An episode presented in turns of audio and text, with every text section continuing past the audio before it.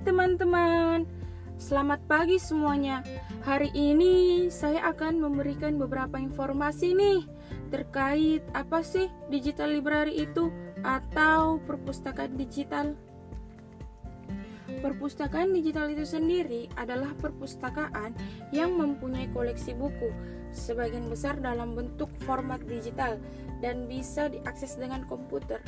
Adapun jenis perpustakaan ini sangat berbeda dengan jenis perpustakaan konvensional yang berupa kumpulan buku tercetak, film makro, ataupun kumpulan kaset audio dan video, dan masih banyak lagi nih teman-teman. Seperti yang kita ketahui, isi dari perpustakaan digital berada dalam suatu server yang bisa ditempatkan secara lokal maupun di lokasi yang jauh. Namun, dapat diakses dengan cepat dan mudah lewat jaringan komputer nih, teman-teman. Perpustakaan itu sendiri harus mampu beradaptasi dengan perkembangan iptek dan tuntutan masyarakat, termaksud di dunia pendidikan.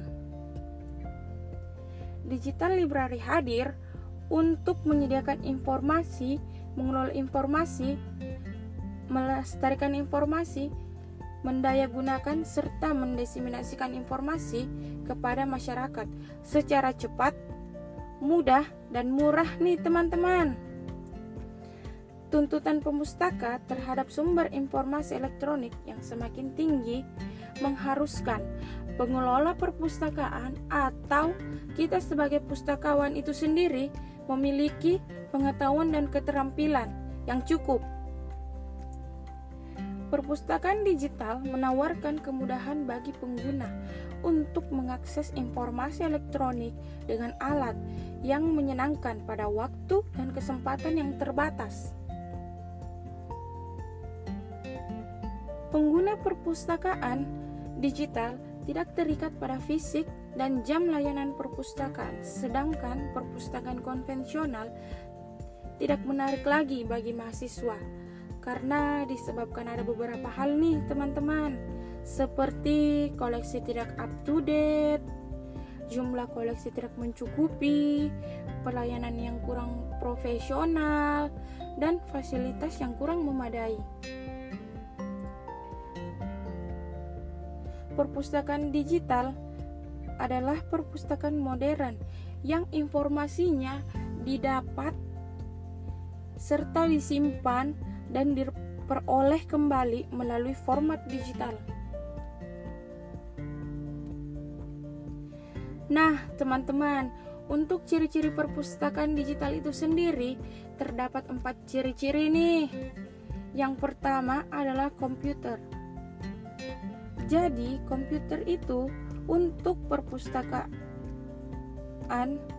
memberikan komponen utama dalam mengelola SD perpustakaan dan yang kedua adalah jadi untuk perpustakaan digital itu memanfaatkan lewat transaksi elektronik. Untuk perpustakaan digital itu memanfaatkan lewat transaksi elektronik nih, teman-teman. Dan yang ketiga, saluran elektronik. Adapun fungsi dari saluran elektronik adalah untuk menghubungkan nih penyedia informasi dan pengguna informasinya. Dan yang terakhir nih adalah koleksi elektronik. Jadi, koleksi elektronik itu sendiri mengembangkan dan mengelola sumber informasi elektronik nih, teman-teman. Saya akan memberikan beberapa hal penting nih yang ada pada perpustakaan. Nah, yang pertama itu organisasi dengan tujuan khusus, yaitu dengan pengumpulan, pengelolaan, penyimpanan informasi atau bahan perpustakaan dalam format digital. Dan yang kedua, memiliki fungsi dan proses untuk mencapai tujuan nih, seperti visi dan misi yang dilakukan dengan bantuan sumber daya manusia dan tentunya dengan teknologi. Kemudian yang ketiga, berisi koleksi digital. Serta yang keempat, dapat diakses melalui jaringan. Dan yang terakhir adalah memerlukan staf dengan keahlian khusus. Nih, selanjutnya saya bakal cerita sedikit nih, teman-teman. Mengenai apa sih sejarah dan tantangan perpustakaan digital? Jadi, perkembangan perpustakaan digital itu dimulai pada tahun 1945, yaitu konsep dasar yang mulai dikenalkan. Nah, untuk selanjutnya itu berkembang, semakin berkembang dan di tahun 1980 dikenalkanlah konsep pengelolaan perpustakaan yang berbasis komputer. Kemudian pada tahun 1990 perpustakaan digital itu otomasi sudah dimaksimalkan untuk beberapa kegiatan perpustakaan. Itu untuk dunia ya. Untuk sejarahnya di Indonesia itu sendiri berawal dari tahun 1980-an dibentuk jaringan perguruan tinggi dengan nama University Network atau Uninet